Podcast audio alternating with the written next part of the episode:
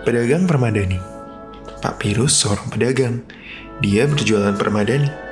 Ke mana-mana, dia selalu berjalan dengan permadani disampirkan di bahunya. Dari jauh, kelihatannya dia seperti berpakaian permadani.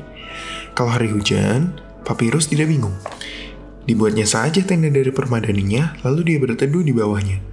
Apakah permadaninya tidak basah? Iya, tentu saja. Tapi kan bisa dijemur, nanti juga kering lagi. Papirus mengetuk rumah Pak Kuah katak.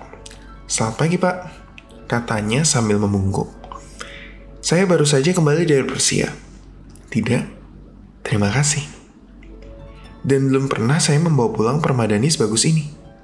Tidak, terima kasih. Lihat saja sendiri pak, warnanya bagus-bagus. Kualitas nomor satu. Tidak, terima kasih. Tapi kenapa kita berdiri di luar saja? Lebih enak ngobrol di dalam kan? Lagi pula di sini banyak angin. Tidak, tidak. Terima kasih. Ini perbadan di Persia.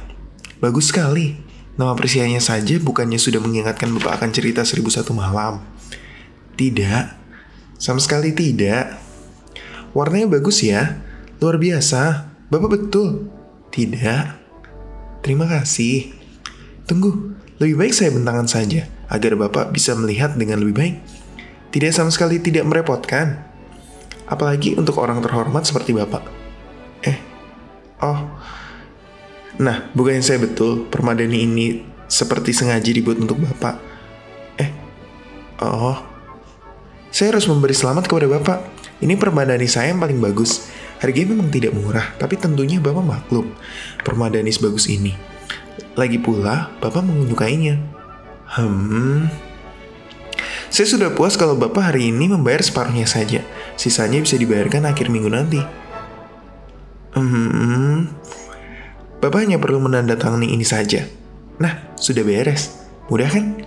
Sekali lagi, selamat ya Pak. Oh, hmm, terima kasih.